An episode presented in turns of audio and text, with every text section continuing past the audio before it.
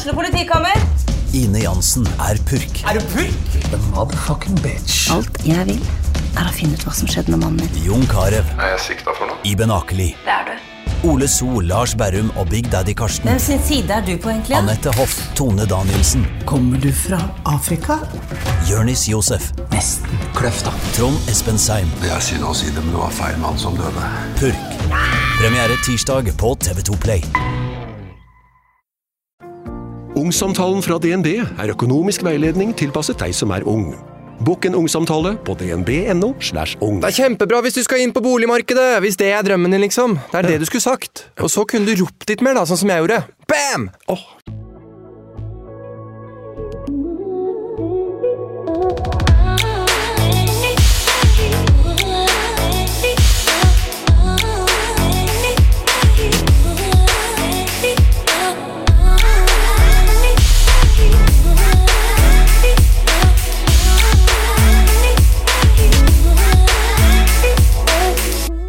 Da jeg bestemte meg for at jeg ville snakke om kjærlighet i februar, så tok jeg kontakt med dagens gjest med en gang.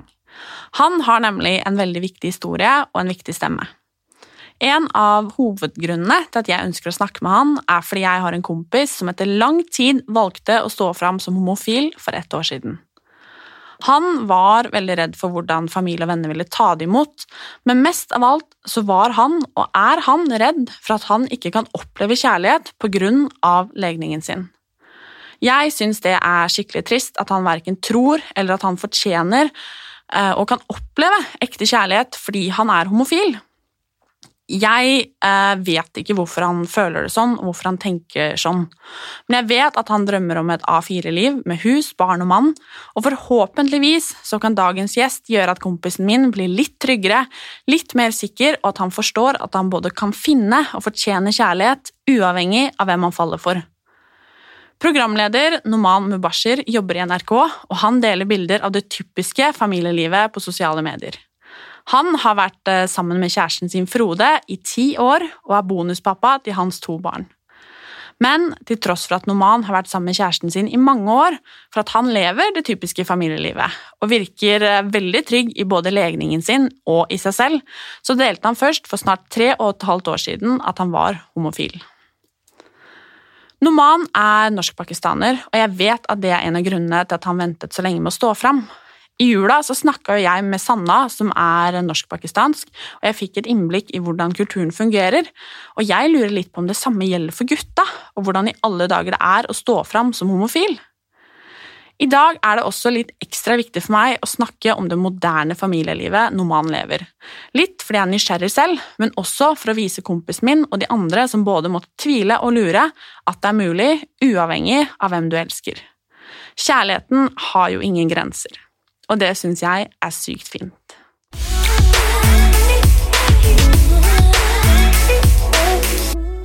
Velkommen, Noman. Tusen takk. Så hyggelig at du vil komme og snakke med meg. Ja, det er veldig hyggelig å være her og bli invitert. Hvordan har du det? Jeg har det fint. Eh, Litt sånn stressa for tiden. Eh, En er jo tidsklemma vi eh, familiefedre lever i, og med småbarn. Um, og så er det jo jobben da i NRK. Jeg driver og lager en ny serie som snart skal gjøres ferdig. Så, så det er mye å tenke på. Spennende. Ja, Du har vært sammen med Frode i snart eh, ti år. stemmer. Det, Tida flyr. Det er liksom, nesten litt sånn skummelt å tenke på at det har gått så fort. ja. Ja. hva, er, eh, hva er viktig for deg i et forhold? Viktig for meg i et forhold er jo eh, gjensidig respekt, eh, tillit, ehm, at man har noen felles interesser, at man har, noe, har et felles fundament, verdier, at man er enig mye om på en måte hvordan eh, vi ser på verden, og hvordan verden ser på, på oss. Um, og ikke minst eh, at man har eh, en, kanskje en sånn intern humor. Jeg tror veldig mange par har en sånn intern humor, ting de ler av, ting som andre ikke forstår i det hele tatt. Og, og, og det tror jeg er veldig viktig å ha. Um, vi er veldig heldige sånn sett at vi er like gamle. Uh, det er jo mange par hvor det kan være aldersforskjell på tre år, fem år, ti år, 15 år. Uh, vi er like gamle, og, og det er så fint, fordi jeg legger merke til at Uansett når jeg kommer med referanse, Jeg husker du liksom da den sangen her var inn? Åh, Jeg husker så godt når jeg var og så den filmen på kino. Så gjorde han akkur akkurat det samme. Da han var ungdom, eller da han var barn, eller da han dro på ferie til et eller annet sted i verden, så kan jeg eh, ja, assosiere meg til det, eh, fordi at jeg også hadde veldig mye av den samme oppveksten. Eh, selv om han vokste opp på Vestlandet i nærheten av Haugesund, og jeg rett utenfor Oslo. Så jeg tror de, viktige, jeg tror de tingene er veldig viktige. Tror du at mange har type et hva skal man si, litt glorifisert bilde av liksom hva et forhold innebærer. Litt sånn, man ser jo, Hvis man skal ta liksom filmer og det som er, så er det jo veldig ofte Det er veldig A4, liksom. Det er veldig klisjé, det er veldig romantisk ofte. Tror du at mange liksom tror at Eller hva skal man si, får et litt feil bilde av hvordan et forhold og liksom ekte kjærlighet, hva det faktisk innebærer? Ja, jeg syns faktisk det. Fordi uansett hvor man lever i verden i dag, eh, så vokser man opp med en populærkultur. Hollywood-filmer, Bollywood-filmer, eh, hvor eh, kjærlighet blir glorifisert. Altså, jeg har jo også vokst opp med liksom Alt fra Pretty Woman og, og ja, masse sånne indiske filmer hvor liksom alt er så rosenrødt, alt er så kliste, alt er så romantisk, alt er så fantastisk. Og når du vokser opp med å se slike filmer, høre musikk hvor sant, hun som synger eller han som synger, er forelska, eh, så tror man at det er slik det skal være. Og så skal det jo også være når man er tenåring, og når man er i 20-åra. Det er noe med å på en måte Kjærlighet er jo den sterkeste måte, driften vi har i oss. Eh, det er det vakreste som fins. Og, og jeg unner jo alle skal oppleve kjærlighet, alle skal være forelsket.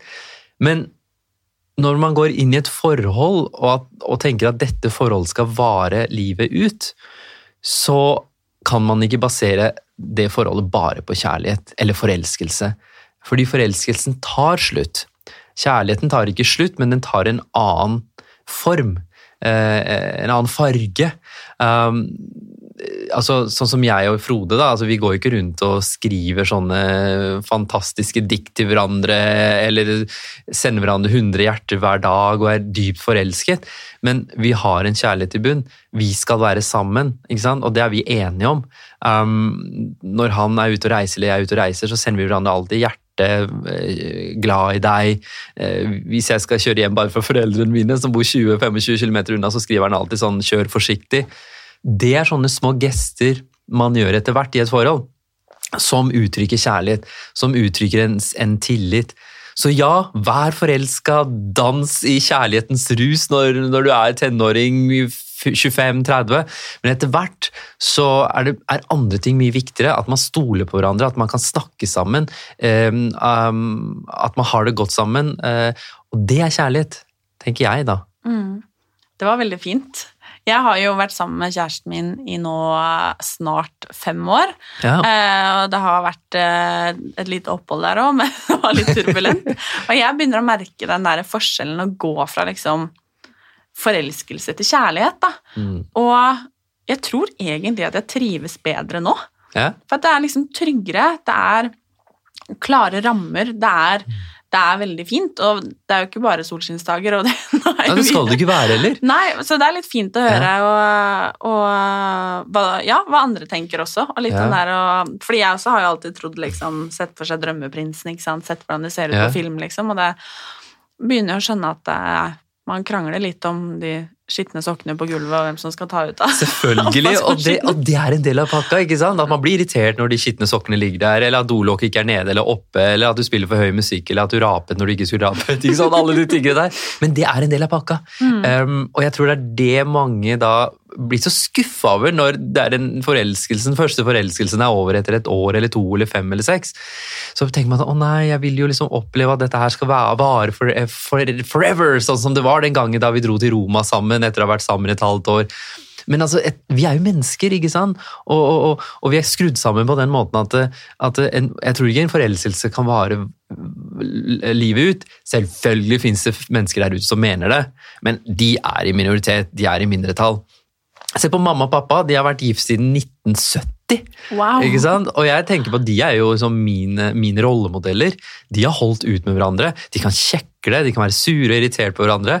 Um, nå er pappa i Pakistan på uh, sånn to ukers ferie for å møte, besøke familien sin. Mamma er hjemme. Og, og, og, så sier jeg 'hvordan går det med pappa?' 'Ja, han har ringt meg fire ganger i dag'. Men rett før gikk ut av, pappa gikk ut av døra med koffert, så krangla de over et eller annet tullete om at han hadde med for lite pentøy. Så mamma ville at han skulle ha litt mer penere klær når han var og besøkte familien sin. Eh, og så ble det litt så dårlig stemning fordi han syntes at hun maser for mye. Men han ringte fire ganger til henne. Hvorfor? Fordi at nå er hun aleine, ikke sant? Og, og, og da er, liksom bryr, altså er han litt bekymra for at hun har det bra. Det er Og det er kjærlighet. kjærlighet, Ja. ikke sant? Og det må ikke være sånn der 100 emojis og 'er så forelska, er så forelska'. Ja. det er sant. Det er kjærlighet. Ja. Men la meg, altså, fordi du er norsk-pakistansk. Mm. Hvor lenge, eller er du født i Norge? Jeg er født i Norge. Du er født i Norge. Ja. Eh, fordi som jeg sa og fortalte deg litt før også, så snakka jeg med Sanna i jula. Ja. Og det var veldig interessant, og det var jo veldig eh, Jeg følte at samtidig som vi var så like, så var vi så ulike, fordi kulturene våre er så ulike. Og du er jo mann, og det egentlig jeg lurer på er fordi Sanna kunne jo fortelle om at eh, man f.eks. ikke skulle, eller i utgangspunktet, eh, skulle flytte hjemmefra før man liksom har funnet seg en partner, at man skal gifte seg, eh, sex før ekteskap er eh, fy-fy, og, og flere sånne elementer som kanskje jeg helt ærlig vil kalle litt kontrollerende Mm. eh, fra, fra min kultur. Eh, og hun kunne også fortelle om en enorm respekt for familien og kulturen. Mm. Og det jeg lurer på, er om du Om det har vært det samme om, Har det vært det samme for deg som det på en måte er for Sanna og for, for en Mm. Ja. norsk-pakistansk jente? Ja. Nei, altså, likestillingsmessig og oppdragelsesmessig så eh, oppdras jenter og gutter veldig forskjellig i veldig mange pakistanske eller norsk-pakistanske hjem. Det er det ingen tvil om. Og jeg kan snakke ut ifra eh, norskpakistanere i Norge, for det er de jeg kjenner. Jeg kjenner ikke alle, men jeg ser og opplever at eh, jenter blir mye mer kontrollert eh, og mye, måte, lever under en strengere oppdragelse enn det guttene gjør. Um, det er i forandring, eh, og så er det mange som føler seg jeg sikkert sier det, fordi dem, noen sier at nei, men søstera mi og jeg blir oppdratt ganske likt. Men hvis alle kjenner litt på det og tenker seg godt om, jentene har det mye strengere. Um, og sånn har det vært hjemme hos eh, oss også, og mange andre jeg kjenner. Og grunnen er jo at eh, sånn fra tilbake til Pakistan, India, og hele det området der, da, Iran, Bangladesh osv., så, videre, så er eh, så, eh, så, så, så, er liksom, så har man et sånn ideal om at kvinnen skal være ærbar. Um, hele æren til familien eller slekta er basert på hvordan kvinnen eller jenta oppfører seg. Hvis jenta oppfører seg dårlig, promiskuøst, hvis hun ja, har kjæreste før ekteskap, eller at det kommer fram, det avsløres at hun har kjæreste før ekteskap, eh, at hun går kledd på en måte som da ikke er akseptabelt i den pakistanske kulturen, så eh, klandres da familien og spesielt da mor for at hun gir eh, barna eller jenta eller dattera si en dårlig oppdragelse, at hun ikke er en flink og dyktig nok mor. Um, og det vil jo alle unngå, fordi ingen vil at folk skal snakke stygt om eh, familien. Det betyr ikke da at gutten kan gjøre hva som helst, men gutta kommer seg mye lettere unna. Det er det ingen tvil om. Um, og jeg vet at mange syns det er vanskelig å si det her, men det er sannheten, uansett hvordan man vrir og vender på det. Uh, og jeg pleier å si en ting uh, når det er debatter rundt uh, dette med at gutter føler seg mistenkeliggjort i det norske samfunnet, altså gutter med utenlandsk bakgrunn. når man har reportasjer fra Groruddalen og, fra Holmlia, så kommer det fram at gutta føler at liksom, de er ikke en del av det norske samfunnet, at de opplever rasisme, diskriminering.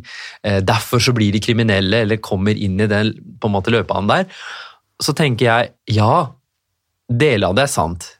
Men mitt argument er alltid hvorfor havner da gutta på skråplan? Hvorfor blir, er det alltid gutta som er dropouts, og ikke jentene? Nesten alle jenter man, jeg møter, eller hører om, eller leser om, gjør det kjempebra på skolen. Med altså pakistansk bakgrunn, eller indisk, eller srilankisk, eller irakisk, eller somalisk. Mens gutta, det er de som dropper ut. Det er de som er kriminelle. Det er de som henger på senteret på, på Holmlia eller på Furuset eller Stovner. Og hvorfor er det sånn? Grunnen er jo ganske enkel. De blir ikke passa på og kontrollert på samme måte som jentene blir.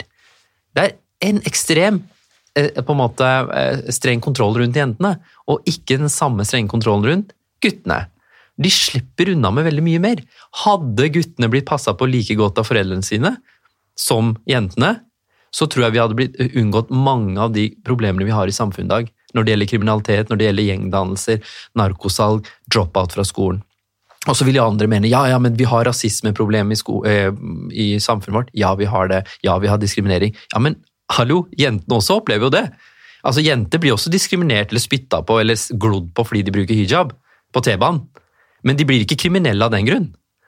De henger ikke på gata av den grunn. Hvorfor må guttene gjøre det? Interessant. Mm. Det var et godt poeng, faktisk.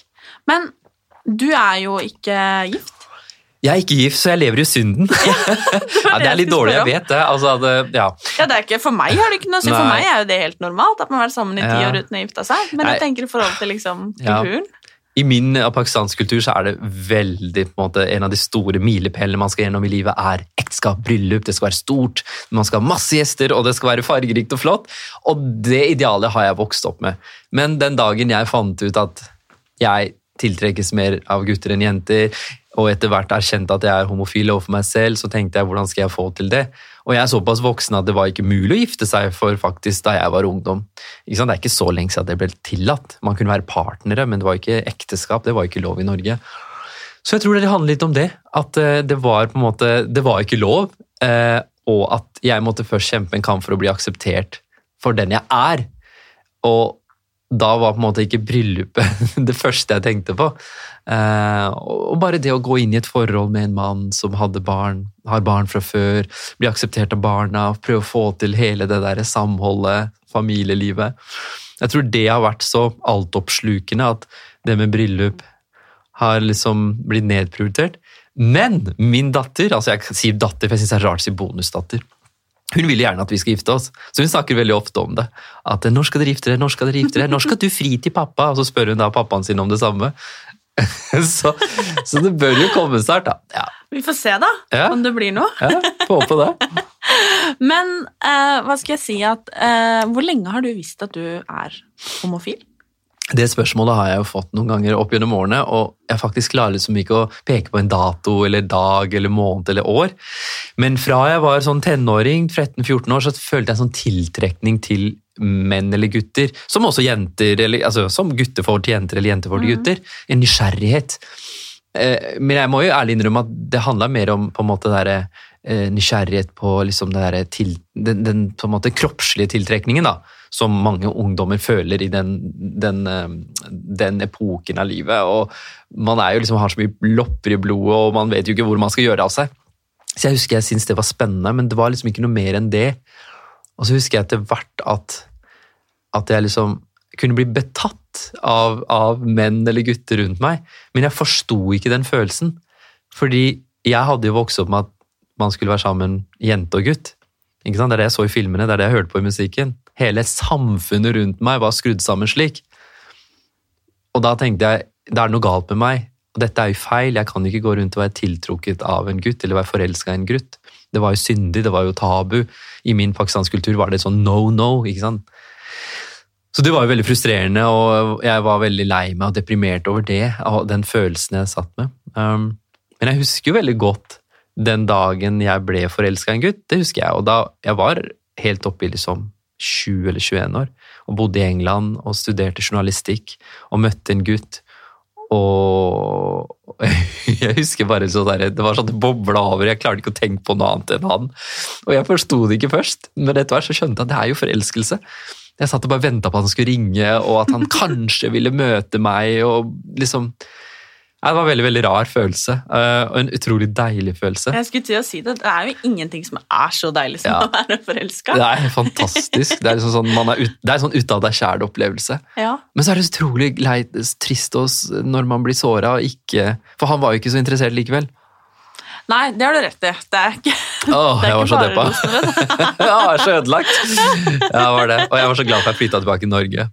Fordi jeg var liksom sånn Ja, nei, det var, det var ikke så hyggelig. Slutt. Uff, men eh, så fant du Frode etter hvert. Ja, etter hvert. Det tok jo noen år, da, Ja. men eh, jeg har jo vært gjennom en forelskelse to mellomtida også. Eh, men jeg er en veldig romantisk person. Eh, det har nå gått over litt med årene, fordi man blir så realistisk. Sant? Man blir så kjedelig. Men jeg husker jeg kunne vært så romantisk ikke sant? med de få kjærestene jeg har hatt før Frode. Mye dikt og mye Såpass? roser og ja, jeg skrev store amorøse dikt. Det tror jeg har fra pakistanske røttene mine. Ja. Jeg er veldig glad i dikt. Ja, poesi. Men hva skal jeg si at du har jo vært sammen med Frode i eh, ti år. Ja. Og så har du vært åpen om at du er homofil i tre og et halvt år. Ja. Cirka, Birka. Ja. Eh, hvordan har det latt seg gjøre? hvordan går det opp i opp? Ja, eh, nei, det kommer av at jeg har jo på en måte vært på TV i veldig, veldig mange år, og da er jo selvfølgelig eh, media og folk generelt nysgjerrig på hvem du er og vil vite mest mulig om privatlivet ditt. Men jeg ville jo ikke at de skulle vite det, fordi jeg var så redd for hva liksom, familien min, mamma, pappa og alle andre i samfunnet ville tenke om at jeg nå skulle stå fram som homofil. Offentlig. Det er noe helt annet. Det er annen ting at du, vennene dine vet det, kollegene dine vet det, familien din vet det. Offentlighet, det er noe helt annet.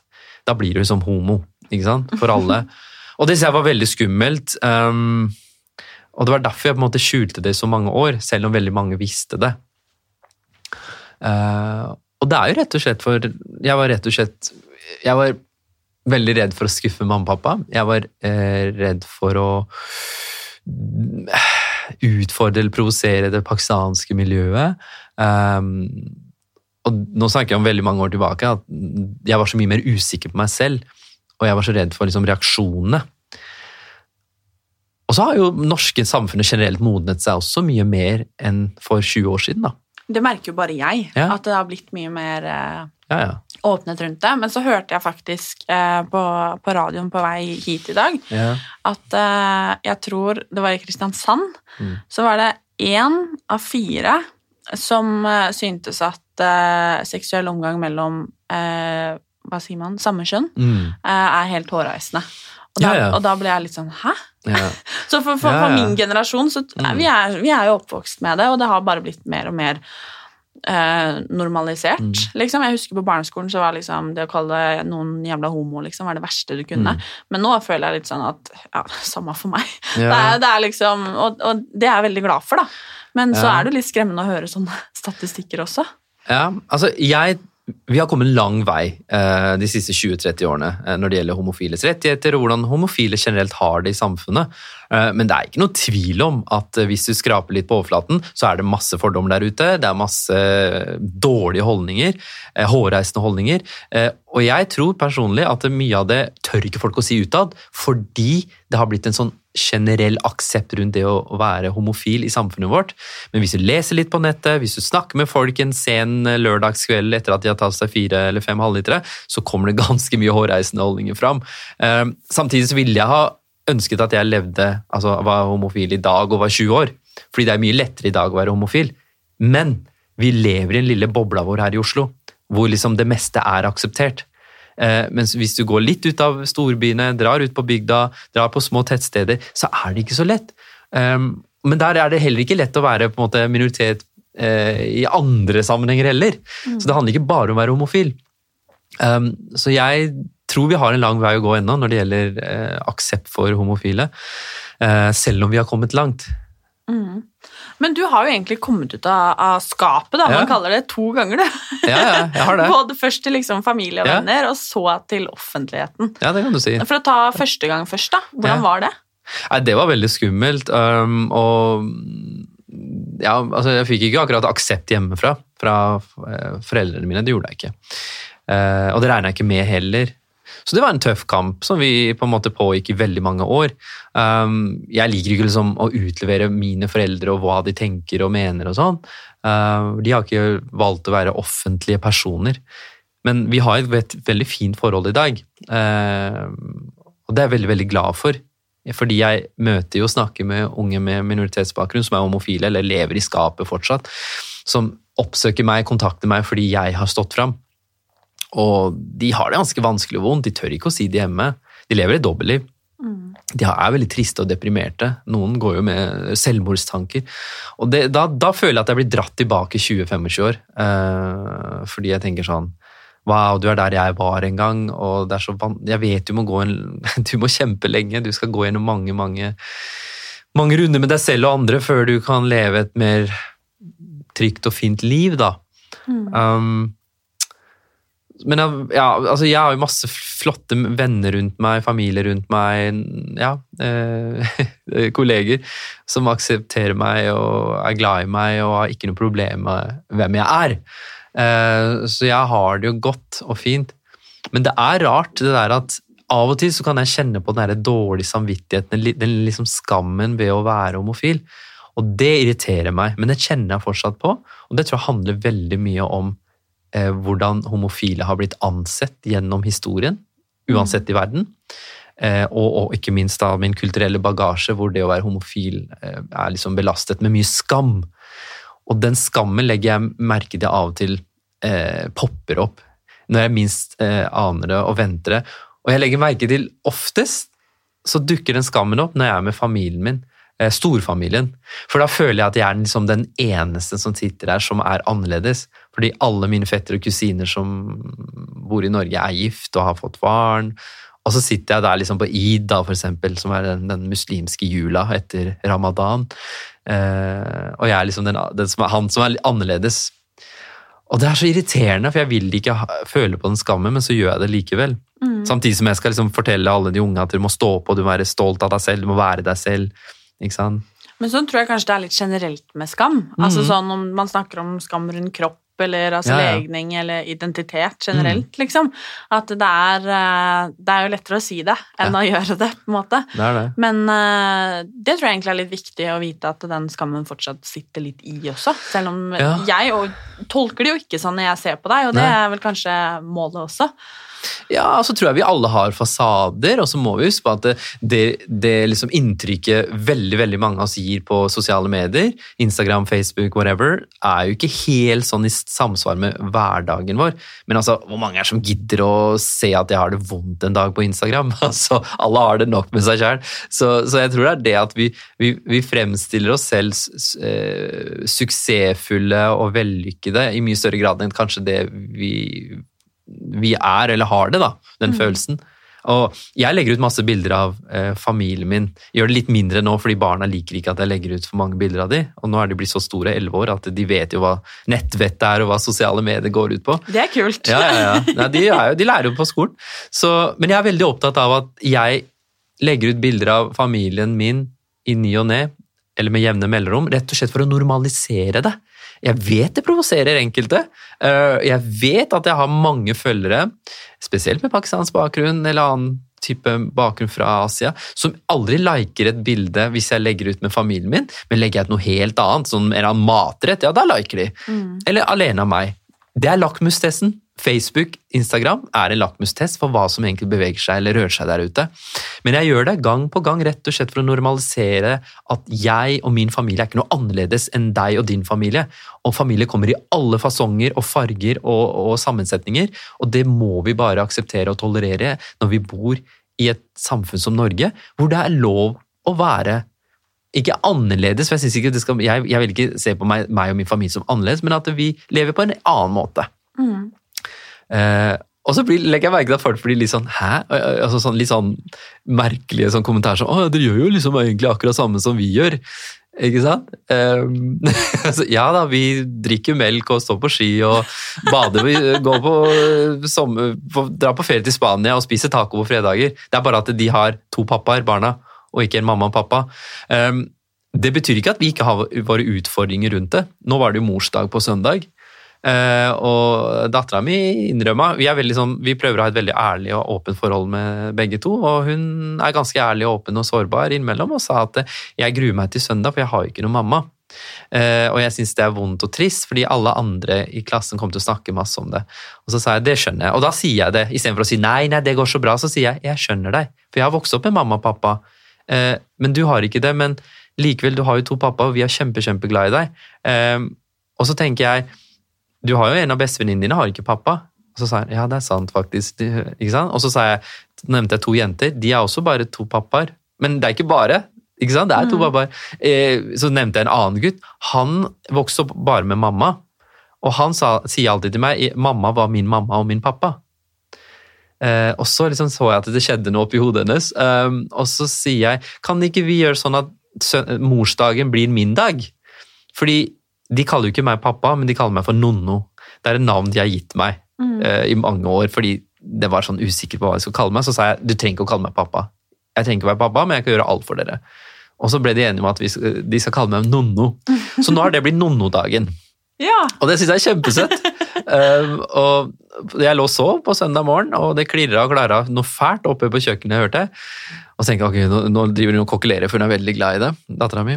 Og så går det en 20 minutter, og så kommer jeg ut, og så kommer hun rasende i trappa og sier 'gå og legg deg', gå og legg deg! Så jeg, hva skjer? Bare gå og legg deg! Ok, greit, jeg går og legger meg, herregud.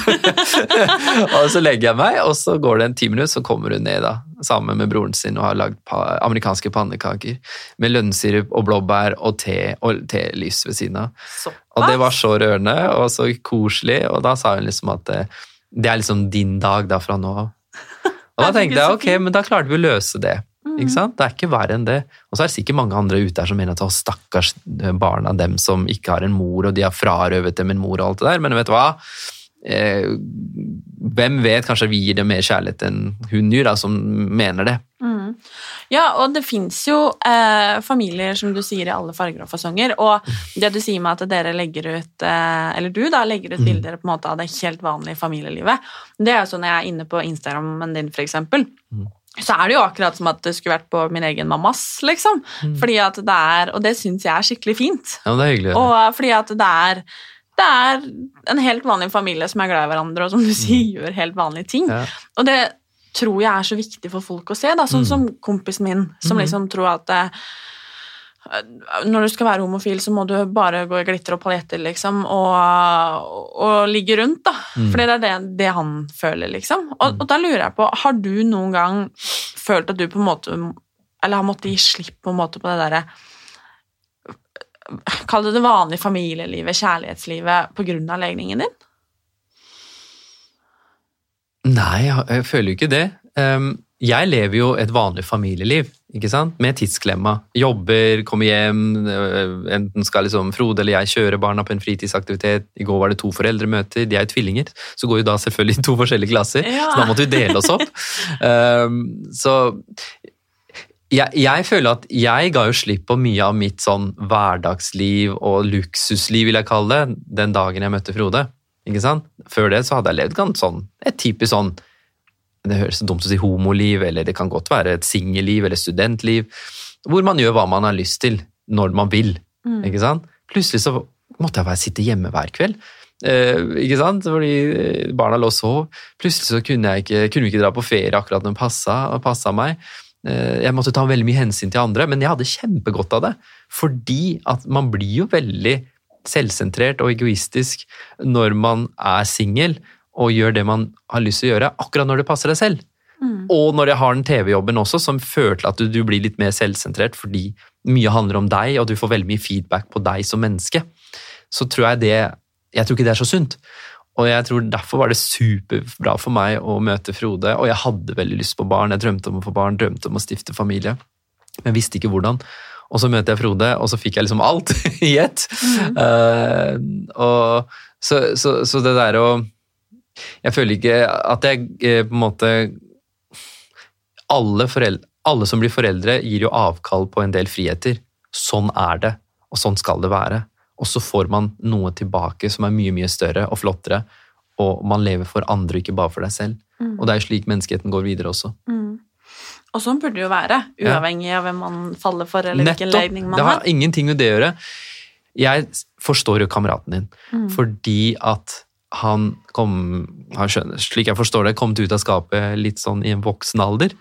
Eh, og da på en måte har på en måte levd et sånn heteroliv, da, og levd i heteronormativen.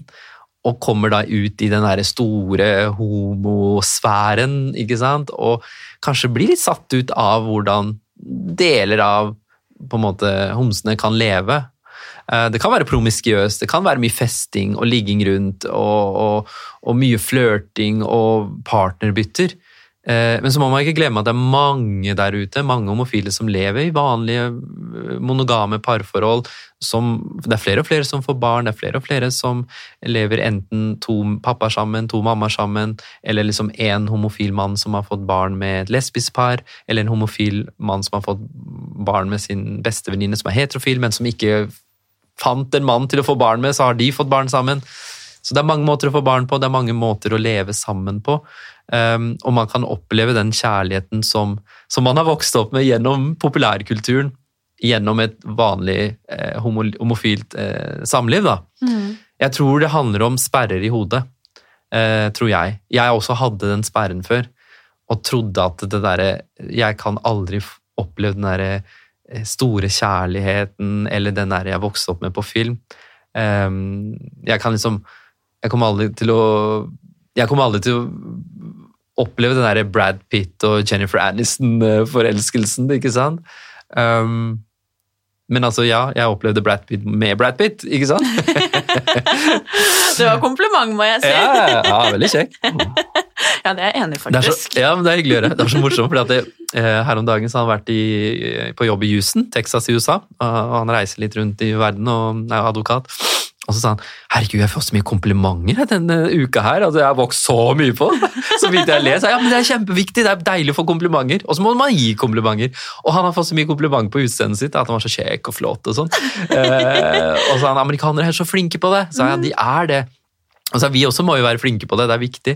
Uh, og så har han vært i jeg tror det var i Malaysia, det, der går han under navnet hva var det for noe, Hugh Jackman eller et eller annet sånt. Fordi mange sitter på jobben at han ser ut som Hugh Jackman. ja, det var kompliment, det må jeg si, det òg. Ja, ja, ja, så, ja. Nei, så, så, det er hyggelig. Heldig med den, si. Ja. Han var ganske heldig med deg òg. Jeg håper det. jeg håper det. det syns i hvert fall jeg. Ja, Men det er hyggelig. Det er men hyggelig. jeg lurer, Uh, du er jo en del år eldre enn meg, ja. uh, for å si det sånn. Vi snakker ikke om alder. Nei, Men har, du kan si sånn sett at jeg har avslørt meg flere ganger bevisst. Ja. For jeg har sagt sånn her, ja, for 20 år siden, ja. eller ikke sant. Fem, for, da jeg var ungdom. Ja, I det forrige århundret. Hva skal jeg si at uh, Ja, nei Jo, har du da noen råd? Altså sånn til meg og til oss andre som liksom sånn, skal ta fatt på liksom mm. voksenlivet, kjærlighetslivet, eh, det å etablere seg kanskje, eller om man for så vidt ikke har lyst til å etablere seg. altså ja. sånn, sånn, Noe sånn kjærlighetsråd. Ja. ja, hva skulle det ha vært? Åh, jeg er jo ingen sånn kjærlighetsorakel. Du var jo så romantisk, hørte jeg i stad. Ja, det er sant. det er sant. uh, nei, altså sånn, jeg tenker sånn, som jeg har nevnt tidligere også, jeg tenker at det viktige er, hvis man ønsker seg en kjæreste, uh, at man ikke leter etter feil eh, når man f.eks. begynner å date hverandre. Um, en feil jeg gjorde da jeg var yngre, er nettopp det. At jeg alltid tenkte sånn åh, det er sikkert noe bedre rundt hjørnet. Og så bor vi i Oslo, hvor det er veldig veldig stort liksom, mangfold og alternativ. ikke sant? Uh, funker ikke, så går vi videre. Og så har vi de forferdelige appene og sånn, da, som det er lettere å møte folk på. Så jeg tenker at det er viktig at man ikke skal lete etter feil hos hverandre, fordi du kan ikke forandre en som er 25 eller 30. Det er vanskelig. Mm. Så aksepter hverandres feil og mangler, eh, men dyrk det man har til felles, og det som er vakkert og flott. Ikke sant? Mm. Eh, og hvis det er for mange feil og mangler, så syns jeg man burde gå videre. Og så tenker jeg at det med humor er kjempeviktig. At man finner sin lille boble, sin sfære, som er deres der det dyrker kjærlighet gjennom humor, gjennom sånne morsomme ting som bare dere kan tulle med. Og det kan være alt mulig rart, men at hvis man finner det, så gjør man hverdagen enklere. Det kan bli limet i forholdet. Uh, og så er det veldig viktig, tror jeg, også å se hverandre i hverdagen gjøre morsomme, spesielle ting i hverdagen, og ikke alltid vente til lørdagen eller den ferien til Roma vi skal ha til våren, eller eh, Valentine's Day som kommer snart nå. De er der hvert år, så der, skal, da skal man jo dyrke kjærlighet. Men at man gjør sånne små, naive, uskyldige ting som at kanskje kjæresten hvis du hadde, Jeg vet ikke om du har du kjæreste? Ja. ja at kjæresten din uh, stryker Hvis du hadde en bluse du skulle ha på deg, så at han stryker den blusen for deg. Det hadde jeg ikke turt. Bare oh my god, det er hull i den! Ja. Eller at du stryker skjorta hans. Um, at um, Istedenfor at dere leser hver deres bok, at du leser en bok for han. En 20 minutters tid i sofaen istedenfor å glane eh, på en skjerm eller sitte og se på mobilen deres. Um, at dere går en liten tur sammen når man liksom minst aner det, og bare holder hverandre i hånda. At man kanskje ikke gjør det lenger, fordi det er liksom sånn det, det har, Vi har vært så lenge sammen, så det orker jeg ikke. Hold hverandre i hånda. Mm. Um, ha det som en sånn regel at jeg skal uh, kysse kjæresten min hver dag. Og det trenger ikke være noe sånn der dyp, uh, lange kyss, men at liksom, jeg skal kysse. Kroppskontakt er viktig. Mm. Man trenger ikke ha sex, men kroppskontakt. Jeg, sånne ting tror jeg er veldig viktig i hverdagen. Å se hverandre, ha det moro sammen, le sammen. Eh, gjøre koselige ting sammen. Mm. Fine råd. Ja, jeg håper det. Jeg, jeg er jo ingen ekspert på kjærlighet, for å nei, si det sånn. Nei, men man er jo på en måte eh, Kall det ekspert på sitt eget forhold, da. Hvor ja, man selv liksom har uh... Ja, og vi har masse ups and downs, ikke sant? Det er ikke alltid roser. Det er godt å høre. Ja, herregud. Nå skal du høre her, da. Nei, altså, det er mye opp og ned, og, og, og, det er ikke noe tvil om at når man også har barn, så blir jo ting mye mer sånn eh, vanskelig i forhold til at man liksom, kan være sliten pga. jobben, eller at man lever i tidsklemma, at du er irritert på barnet ditt for et eller annet han eller hun har gjort, eller de er sinte eller irritert på deg, og så er du kanskje i dårlig humør, og så klarer du ikke å snakke ordentlig med partneren din fordi du er sur for et eller annet, og så kanskje han ikke skjønner hvorfor du er sur. Eh, så, så, det er en del av hverdagen. Mm. Eh, men sånn er det å være i et forhold, og sånn er det å leve i en familie. Uh, og det er ikke noe skummelt. Vi går gjennom forskjellige faser i livet. Jeg er kjempeglad for at jeg har hatt sånn singelliv, jeg er kjempeglad for at jeg har vært sånn forelska i 20-årene. Eh, jeg har hatt uh, mange fine år, og nå er jeg et, en annen epoke i livet. Um, som jeg også nyter, og som jeg av og til irriterer meg vett over. Men sånn er det å leve, og sånn er det å være i et forhold. Mm. Tror du på ekte kjærlighet? Ja, det gjør jeg. Mm. Ekte kjærlighet tror jeg på. Og, og jeg tror alle kan oppleve ekte kjærlighet. Men min måte å oppleve ekte kjærlighet på er ikke sikkert det er den samme måten som du opplever den ekte kjærligheten på, eller alle de som sitter og hører på oss nå. Mm. Det er forskjellig fra person til person. Mm. Noen trenger den der enorme forelskelsen. Eh, andre er glad bare de finner en eh, person de kan leve med og ha det godt sammen med. Det trygge, gode. Det Trenger ikke være røde roser og konfekt og eh, hjertetunk hver eneste dag. det viktigste er hvordan du føler det, mm. ikke hva andre rundt deg forventer og føler. En ting er i hvert fall sikkert, og det er at det er skikkelig fint med kjærligheten. Ja, det er fantastisk. Enten det er til en venn eller til eh, seg sjæl, ja. eller til en partner, liksom. Det er kjempeviktig å være glad i seg selv. Du mm. kan ikke være glad i andre hvis ikke du er glad i deg selv. Mm. Det har du rett i. Tusen takk for at du ville komme og dele fra ditt liv og dine erfaringer, og gjøre både meg og forhåpentligvis kompisen min og de andre som ja. måtte lure, litt eh, klokere. Du, Veldig hyggelig, og lykke til til kompisen din. Ja, Tusen takk! ha en dag fylt med masse kjærlighet. ja, Og nå skinner sola ute, altså, ja. da, da, bare kjenner du at våren snart kommer. Selv om det er i slutten av februar. ja. Det er nydelig. Tusen takk, mann.